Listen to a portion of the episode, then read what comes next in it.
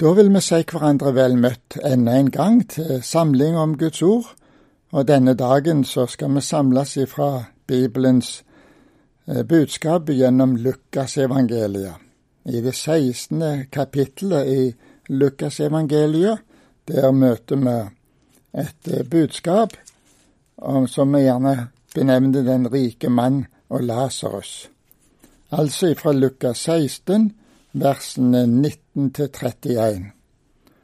Og da vil vi lese de, men vi ber først. Vi takker deg, gode Far i himmelen, for det er ditt ord vi skal få løfte fram her. Det er du som vil si oss noe. Gi oss ører å høre med. Ja, gi oss øyne å se med, og sett hjertet til å ta imot og ta vare på ditt ord. Gode Far i himmelen, takk at vi fikk Bibelen, Takk at vi fikk høre det levende ordet som skapte nye hjerter i oss. Vi fødte oss på ny ved ditt ord og ved din hellige ånd. Så kom nå, Herre, og forklar ordet for oss. Det ber vi om i Jesu navn. Amen. Ja, hvis du nå har Bibel foran deg eller i nærheten sånn at du kan være med og bla grann, så er det altså Lukas evangeliet i kapittel 16, og det er fra versene 19 til 31. Og da leser vi disse versene sammenhengende først, før vi kommenterer mer av budskapet der. Det var en rik mann som kledde seg i purpur og fineste lin, og som levde hver dag i herlighet og glede. Men det var en fattig mann ved navn Lasarus, som var lagt ved porten hans han var full av verkende sår. Hans ønske var å få mette seg med smulene fra, som falt fra den rikes bord. Men endog hundene kom og slikket sårene hans. Så skjedde det at den fattige døde, og englene bar han bort til Abrahams fang. Men også den rike døde og blei begravet. Da han slo øynene opp i dødsriket, der han var i pine, da ser han Abraham langt borte og Lasarus i hans fang. Og da ropte han og sa, Far, Abraham, forbarm deg over meg, og send Lasarus, så han kan dyppe fingertuppen sin i vann og svale min tunge, for jeg lider svær pine i denne ilden.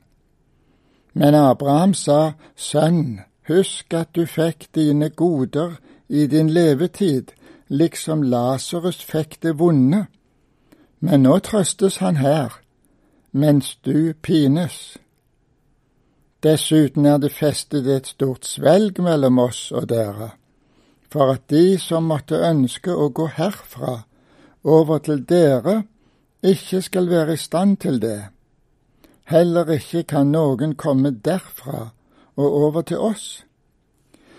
Da sa han, så ber jeg deg, far, at du må sende ham til min fars hus, for jeg har fem brødre, for at han kan vitne for dem, så ikke også de skal komme til dette pinens sted.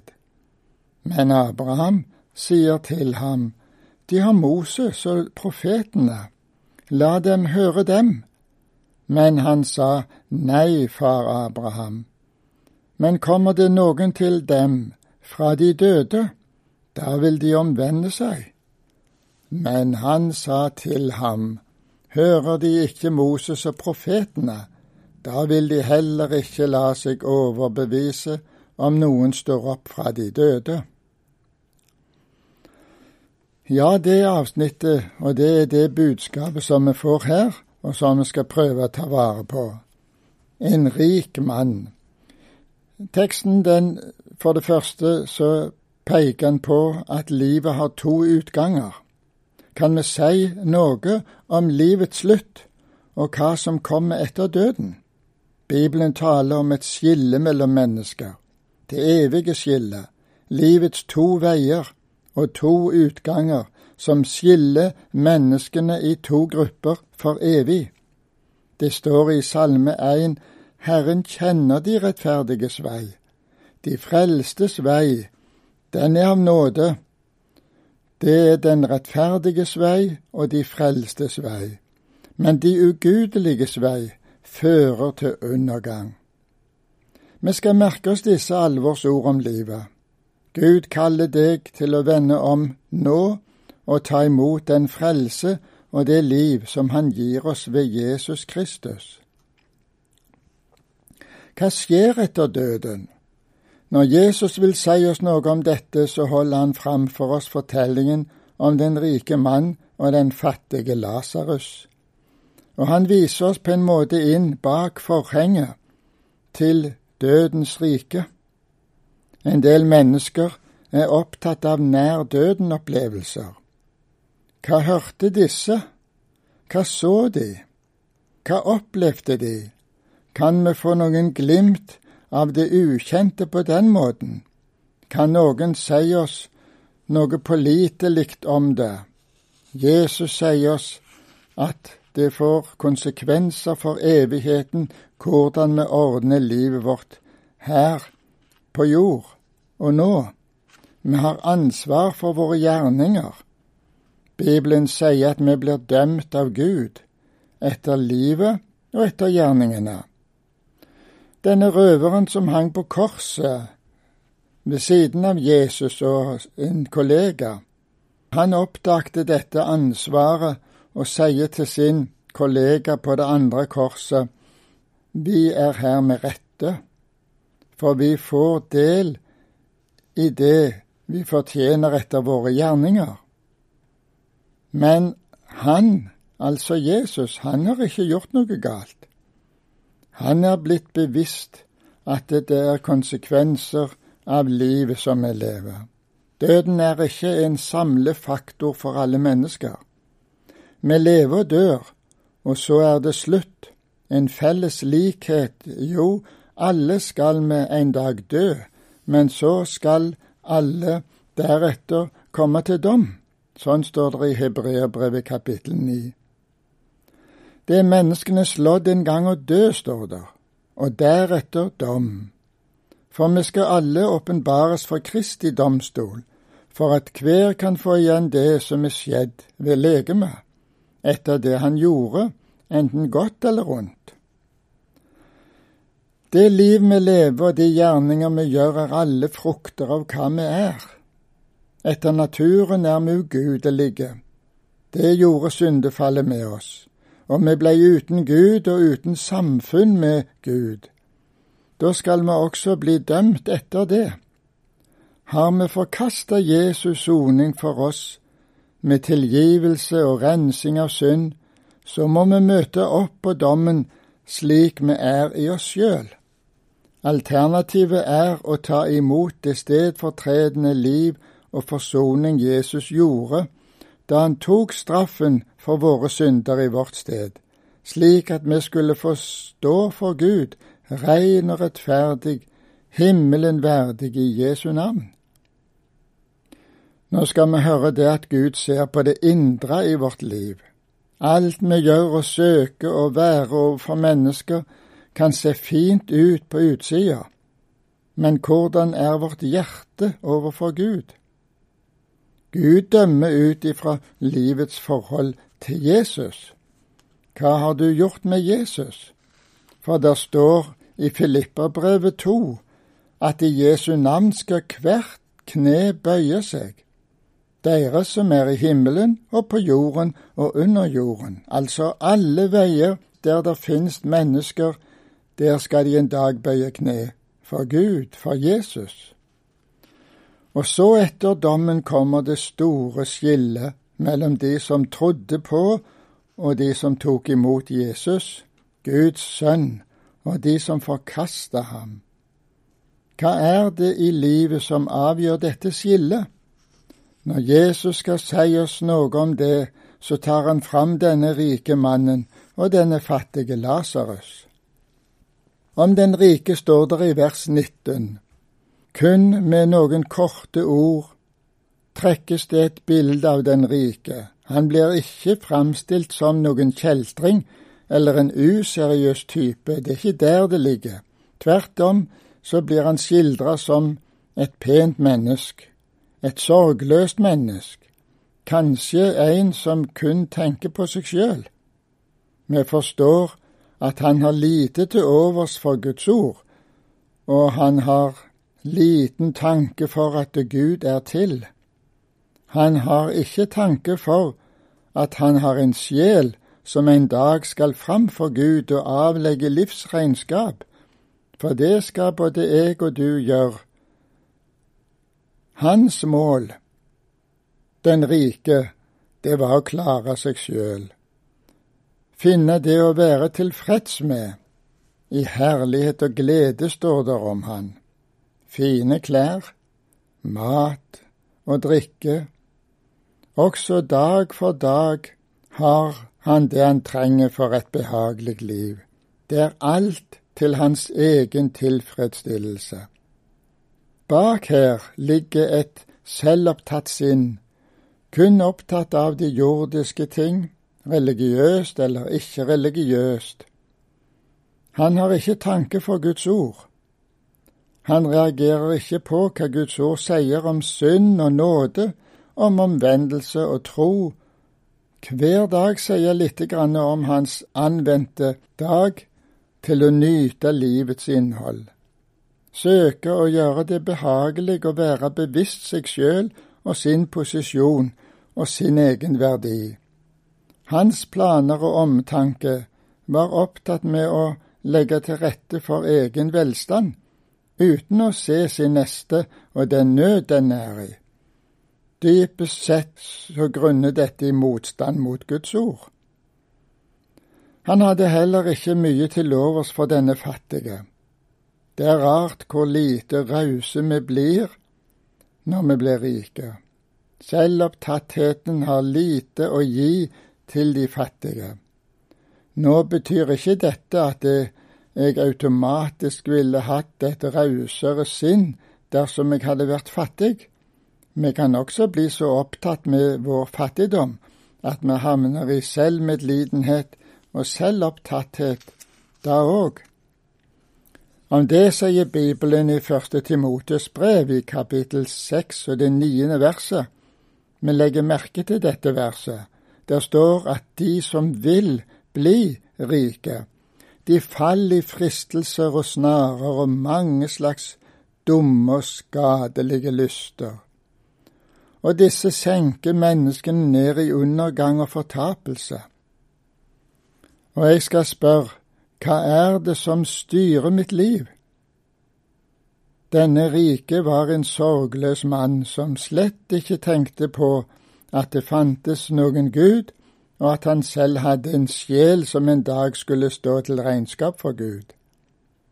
Han var et vanlig, skikkelig og pent menneske som levde sitt liv, spiste og drikke, som har arbeid og fest. Han tjente sine kroner og brukte dem på seg og sine. Sånn gjør jo de fleste. Om den fattige Lasarus står det skildra i vers 20 og 21. Det var en fattig mann, leser vi, med navn Lasarus, som var lagt til porten hans altså porten til den rike. Lasarus var full av verkende sår. Hans ønske var å få metta seg med smulene som falt fra den rikes bord, men endog hundene kom og slikte sårene hans. Den fattige Lasarus, han lå ved porten, han var lagt, står det, så noen må ha hjulpet han, men de har lagt han utfor porten til den rike, så skulle han på sin måte være et vitnesbyrd for den rike mann til å tenke på de fattige også. Lasarus sine ytre sosiale kår de var ganske annerledes enn den rike. Lasarus var fattig, og han var lagt utenfor porten til den rike. Der står at han ønsket å mette seg med smulene som falt fra den rikes bord. Kanskje ville Gud at den rike skulle se at andre mangler grunnleggende ting i livet. Kan hende at Gud sender noen tiggere til vår dør, så vi skal se deg og erkjenne at det er mange der ute som mangler det meste. At endog hundene kom og slikte sårene til Lasarus, det sier oss vel at han heller ikke nøt godt av noe pleie av andre for sine lidelser. Hundene kunne jo også til og med bære smitte og påføre han farlige sykdommer. Vi får det inntrykk at uh, Lasarus hadde tatt sin tilflukt til Gud, noe som ble til stor forskjell mellom disse to, Lasarus og den rike. Så en dag innhenter døden den fattige. Døden behandler ingen etter anseelse, den kommer til alle, også til de rike. Derfor står det at også den rike døde og ble begravet. Men hvilken forskjell likevel?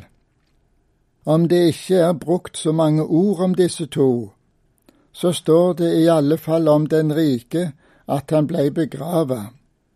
Han fikk sannsynligvis en fin begravelse og et verdig farvel. Han hadde fått ting til. Over hans liv var det ære og glans i menneskers øyne. Ja, la oss tenke på det. Hva er det som blir det minnerike for oss efter våre liv. Lasarus, han fikk sannsynligvis ingen tilsvarende begravelse. Her var det ingen ære å høste av mennesker. Det blir bare registrert at han er blitt borte. Hvordan ser himmelen på det? Gud ser til hjertet. Livet vårt blir dømt, bedømt så ganske annerledes i himmelen enn hva vi tenker her på jord. Vi ser kun det ytre, og det ytre er jo også et vitnesbyrd om det indre livet. Skriften taler om fruktene på treet, frukter som vitner om livet. I dommen hos Gud kom den store forskjell til syne. Nå ble det avslørt hvilket forhold disse to hadde til Herren. Lasarus ble båren bort av engler til Abrahams fang, står der. Det betyr at han ble samla blant de troende sammen med de troendes far, som er Abraham. For det står i den gamle bok at Abraham, han trodde Gud, og det ble regna ham til rettferdighet, altså til frelse. At han gjennom det tok imot Jesus Kristus sin soningsverk for oss, dette å dø for vår skyld, og rense oss ifra all synd. Når døden kommer, så kommer du som tror til Jesus. At engler bar ham, det stemmer med det at englene er tjenende ånder. Om dette sier Paulus i Filippabrevet 1,23. Jeg kjenner meg dratt til begge sider. Jeg har lyst til å bryte opp herfra og være med Kristus, for det er så mye, mye bedre. Men av hensyn til dere er det mer nødvendig at jeg blir i kjødet.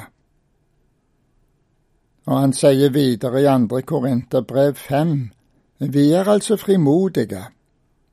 Vi vil heller være borte fra legeme og hjemme hos Herren. Jesus sier til røveren på korset, i dag skal du være med meg i paradis. Når du som tror på Kristus forlater denne jord, så blir du hos Jesus. Ditt legeme er vel igjen i jorda, til oppstandelsens dag, men du er hos Jesus, en frukt av hans frelsesverk. Det står i sangboka på nummer 849, Jeg vet meg en søvn i Jesu navn, den kveger de trette lemmer. Der redes en seng i jordens favn, så moderlig hun meg gjemmer. Min sjel er hos Gud i himmerik, og sorgene sine glemmer, synger Landstad. Så vet Herren å sende sine engler for å hente deg som tar imot Jesus, hente deg hjem når tiden er inne og hør det du, han vet å finne deg. Han vet å sette deg på Abrahams fang. Så står der også den rike døde. Slik er det ingen forskjell på oss.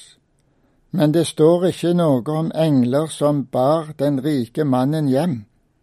Derimot står det at han slo sine øyne opp i dødsriket.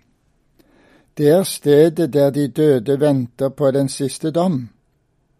Vi skal stanse for det alvor at her er en uhyggelig forskjell på utgangen av livet for denne livsglade og rike og denne verdens tilfredse mann i forhold til Lasarus. Stor forskjell på de to. Den rike var i pine. Han var ikke i noen bevisstløs tilstand. Han var ikke kommet til noe intet. Han var heller ikke kommet over i noen ny skikkelse, en sjelevandringens tilværelse på jord. Han var kommet i dødsriket, hvor han var i pine, står der. Han var kommet i den ild hvor det ikke var noen lindring. Pinen, det må være uttrykk for at de for evig har mista det som betydde mest for dem her på jorden. Hvordan er det med deg og meg?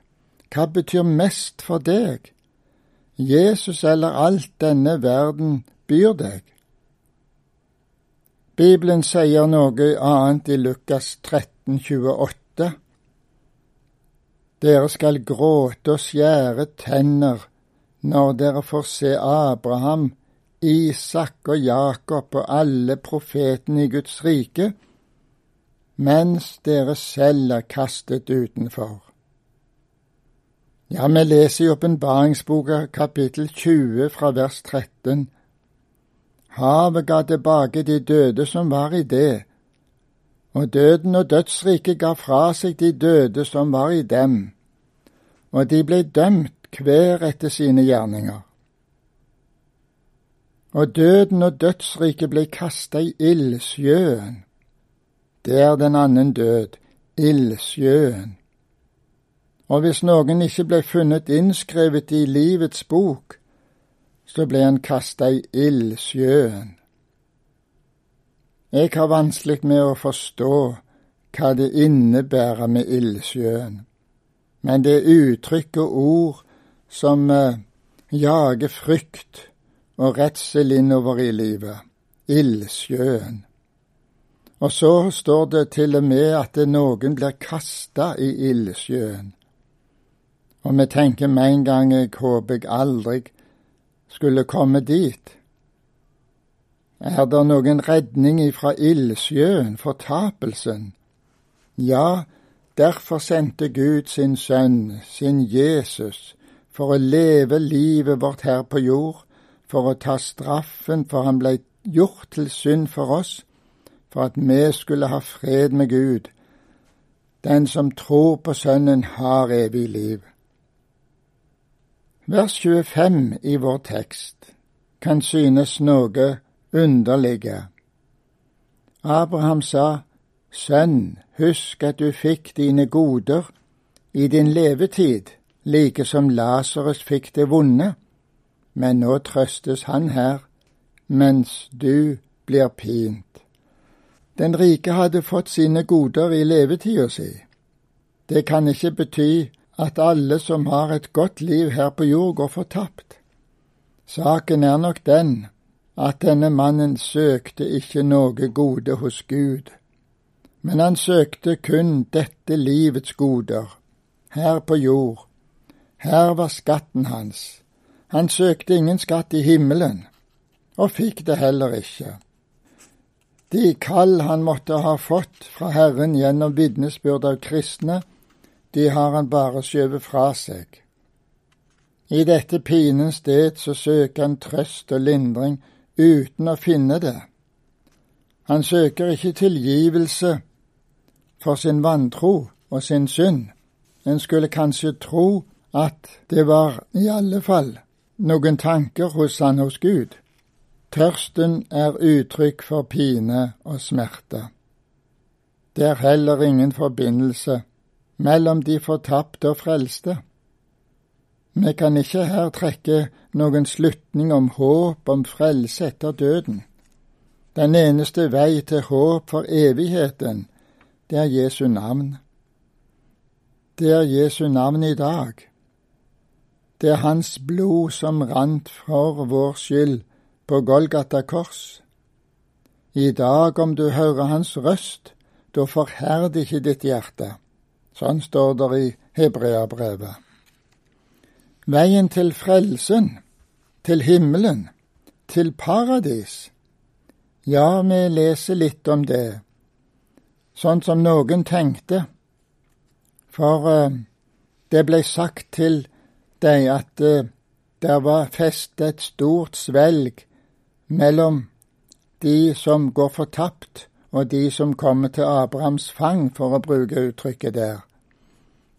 Der er festet et stort svelg, så der ingen skal kunne gå fra den ene kanten til den andre, verken den ene eller andre veien.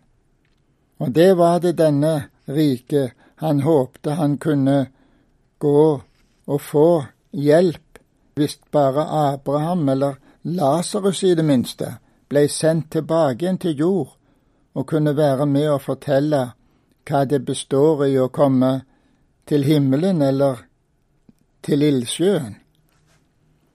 Det er festet et stort svelg mellom oss og dere, står der.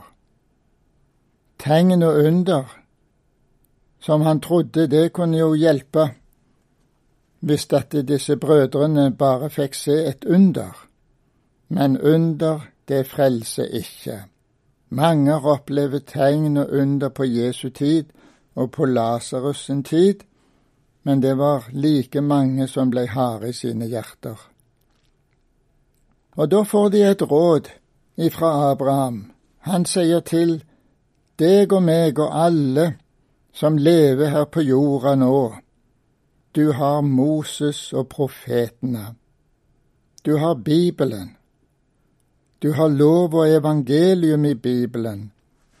La de høre det, de du tenker på som skal også komme til himmelen. La de få høre det at de må ta imot Guds ord. De må lese det, høre det, bruke det. Høre Guds ord. Men da sier denne rike, er det ikke som å høre alltid til denne Bibelen, alltid disse kristne sine vitnesbyrd om Jesus. Nei, vil noen si, dette kristelige pratet er vi leie av. Ja vel, men da skal vi også vite konsekvensene. Hører de ikke på Moses og profeten, altså Bibelen, da vil de heller ikke la seg overbevise om det noen står opp fra de døde. Her finner vi så årsaken til at mennesker går fortapt. De vil ikke høre Guds ord. De vil ikke ta imot Guds ord. For denne verdens Gud har forblindet de vantro sin, så de ikke ser lyset fra evangeliet om Kristus, om Kristi herlighet. De vil ikke høre Han som er Guds bilde. Det er ikke deres syndige liv som fører til fortapelse men at de ikke ville høre Guds ord om Jesus, og heller ikke ville vende om. Men det er Jesus som er frelseren. Døden frelser ingen. Den som sier nei til Guds ord her på jord, vil våkne i evigheten med det samme sinn han hadde her. Det finnes ingen omvendelse i å dø. Troen kommer av hørelsen, av det evangeliet om Jesus som du får høre. Nå først forsto han at han måtte omvende seg, men det var for seint for seg sjøl, for noen ville komme til å høre at det er for seint. I dag er nådens tid, i dag er Gud å finne. Hva så med den rike sine brødre? De følger hans eksempel, og det er ikke godt. Da kommer tanken at får de bare se et tegn, et under, ja, sånn er det i dag òg. Vi spør efter noen bevis. Da skal vi omvende oss. Mange har tenkt sånn at får vi bare se et under, en oppstandelse, høre noe nær døden-opplevelse som kunne fortelle, så skal vi vende om til Gud. Jesus sier at det kommer de ikke til å gjøre. De har fått det som skal til for å vende om. Bibelen har de fått. Dersom nær døden-opplevelsen hadde et frelsesbudskap, hvorfor ble ikke dette forkynt av dem som sto opp fra de døde? Hvorfor står det ikke noe i Bibelen hva Lasarus så? Hva enkens sønn i Nain så? Ikke sant? Av disse som var i sykdom. Vi har fått det som skal til for at vi skal vende om. I dag hører vi et ord fra den levende Gud, og han sa, Matteus 3 vers 2, Omvend dere, for himlenes rike er kommet nær. I denne stund kan du si til Herren Jesus, Her er jeg. Ja, du kunne be denne bønn som profeten, Omvend meg du, så blir jeg omvendt. Jeg vil tro på deg. Ta bort den motstand jeg har i meg overfor deg. Deg vil Jesus svare, alle de som Faderen gir meg, kommer til meg, og den som kommer til meg, vil jeg slett ikke støyte ut. I Hans navn blir det forkynt at vi får syndenes forlatelse. Og der står i Apostlenes gjerninger i kapittel fire vers tolv Det er ikke frelse i noen annen, for det finnes ikke noe annet navn under himmelen gitt blant mennesker som vi kan bli frelst ved. Så er det i dag tid til å vende om. Nå er det anledning å få frelse fra syndens skyld og fra Guds vrede i dag kan vi få på Jesu vegne si Kom, alt er ferdig. I dag er nådens tid. I dag er Gud å finne. Nå kan alvorlig flid hans milde hjerte vinne. Opp, opp til angers gråt og etter Jesus jag. Men snart, det er mitt råd. Nå heter det i dag. Ja, du er innbudt til himmelen, og tenk en dag så kommer Jesus og henter alle sine troende venner. La oss se fram til en gledens dag, og så skynder vi oss ut med evangeliet, for ennå er det tid til å vende om. Hva vil du svare Jesus, du som står på valget, skal jeg vende om? Og du som står og kjenner på kallet til å forkynne, bære evangeliet ut? Vi får si med profeten, Ja, her er jeg, send meg. Amen.